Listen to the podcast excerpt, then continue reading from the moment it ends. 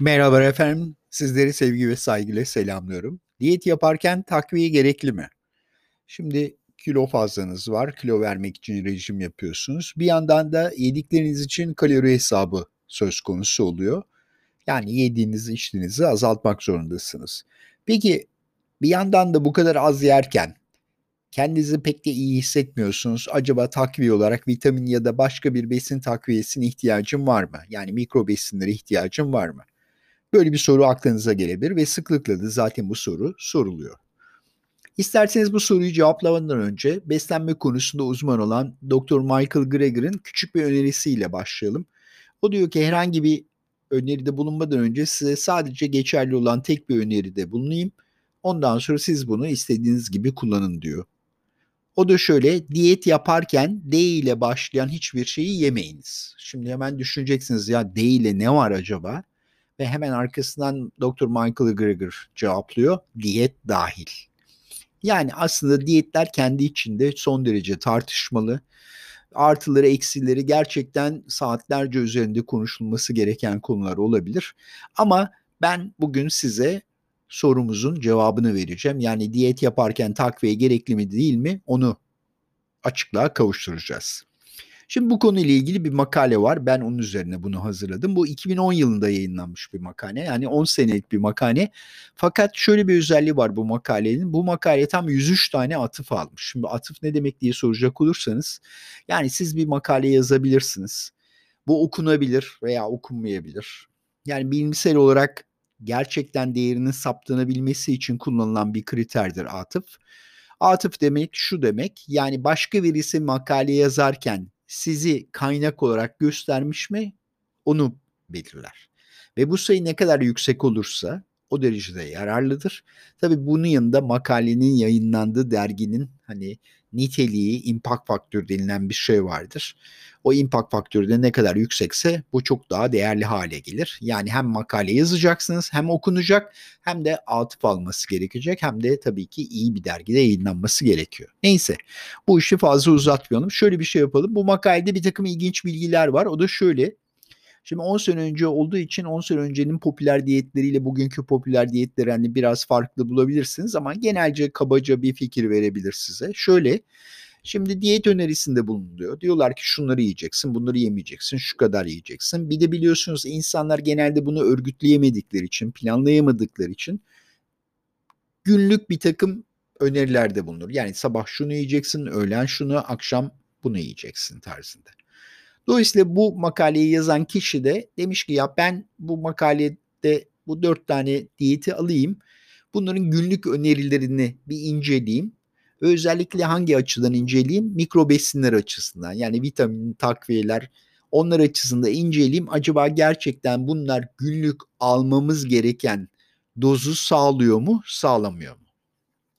Ve o da gitmiş kendisine 27 tane esansiyel madde bulmuş. Bunların içerisinde vitamin A var, B1 var, vitamin B5, 5 var, pantotenik asit var, B2 var, B3 var, kromiyum var, bakır var, vitamin C, D, E, potasyum, magnezyum, manganiz, demir, iyot 27 tane madde var. Ve bu 27 tane maddeyi de dediğim şekilde günlük önerilen dozla karşılaştırılmış. Bakın karşısına ne çıkmış? Hemen cevap vereyim hangi diyetler diyeceksin olursanız bir tane DASH diyeti diye bir diyet var. Bir tane Best Life, bir tane de Atkins. Atkins'in özelliği de şu yani ketolojik diyetin babası sayılır. Yani düşük karbonhidratlı bir diyet. Bir de South Beach diye bir diyet var. O da Akdeniz diyetine benzer bir diyet. Kabaca bunu bu şekilde anlatayım size. Ve bakmış ki günlük olarak önerildiği takdirde bu diyetler arasında en yüksek oranda %55.56 günlük vitamin ve besin takviyesini, mikro besinleri karşılıyor. En düşük oranı ise %22 oranında. En yüksek oran DASH diyetinde ve Best Life diyetinde South Beach diyeti yani Akdeniz diyetine benzer olan ise %22 oranında karşılıyor oldukça yetersiz. Bir de aynı zamanda kalorilere bakmışlar ne kadar kalori öneriyorlar diye.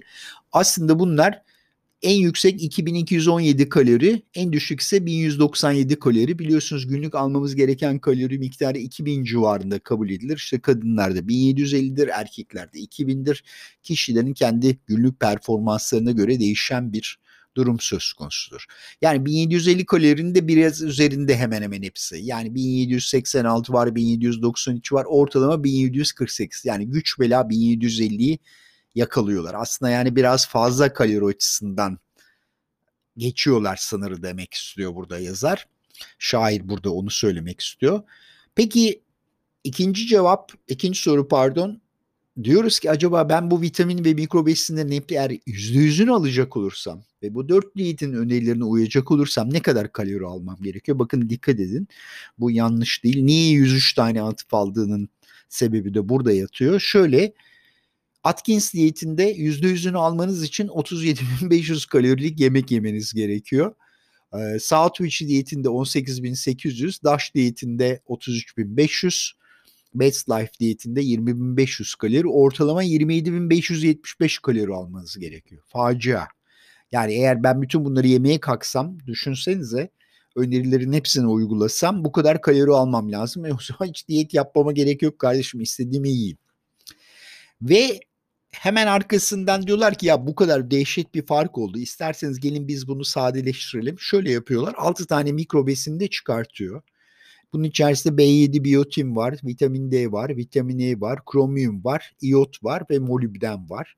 Zaten diyor ki bu dört diyette bunlar zaten alınması oldukça güç ve asıl farkı yaratanlar da bunlar. Dolayısıyla ben hani işi biraz daha köküne inebilmek için bunları kaldırayım kaldırdıktan sonra bakayım acaba ne kadar kalori oluyor diye ve 27'yi 21'e düşürüyor ve ciddi bir fark oluyor. Şöyle bir fark oluyor. Eğer %100'ünü alırsanız bu 21'de kalori miktarı 5000 kalori oluyor. En yüksek, en düşük kalorisi 2425 kalori oluyor. En yüksek DAŞ diyetinde.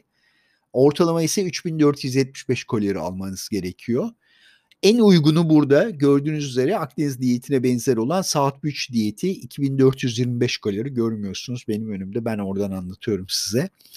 2425 kalori alıyorsunuz. Dolayısıyla buradan da şu bir gerçek ortaya çıkıyor.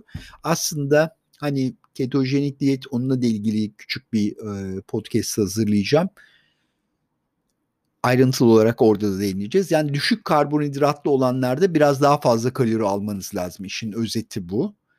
Ee, en uygunu daha ziyade Akdeniz diyeti gibi bir diyet ortaya çıkıyor. Yani ne kadar çok sebze, meyve, baklagil yerseniz o derece iyi olduğunu kısaca söyleyebilirim.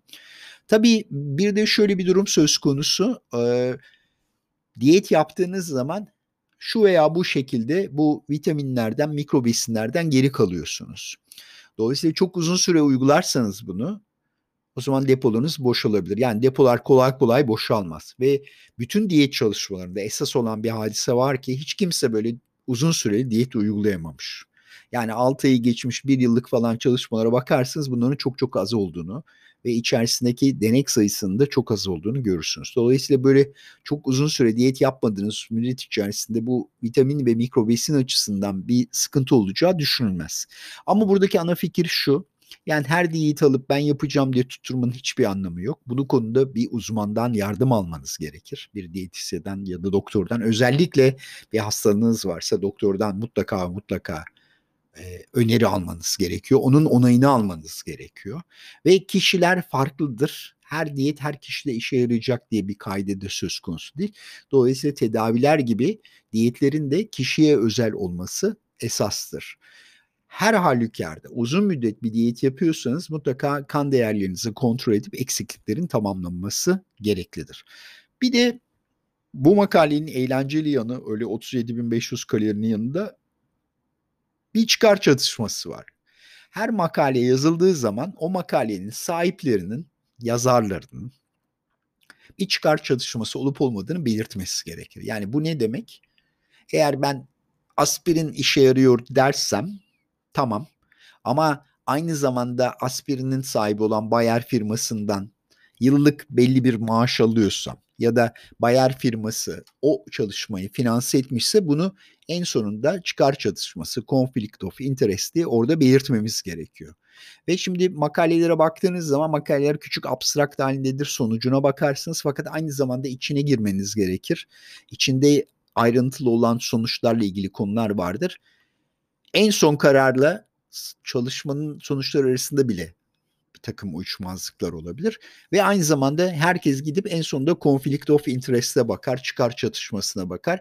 Çünkü bunu yapan kişiler doktor olabilir ya da başka birisi olabilir. Gerçekten çok büyük miktarlarda para alırlar. Yılını, yani yılda 100 bin dolar, 500 bin dolar gibi ekstra para verilir bunlara.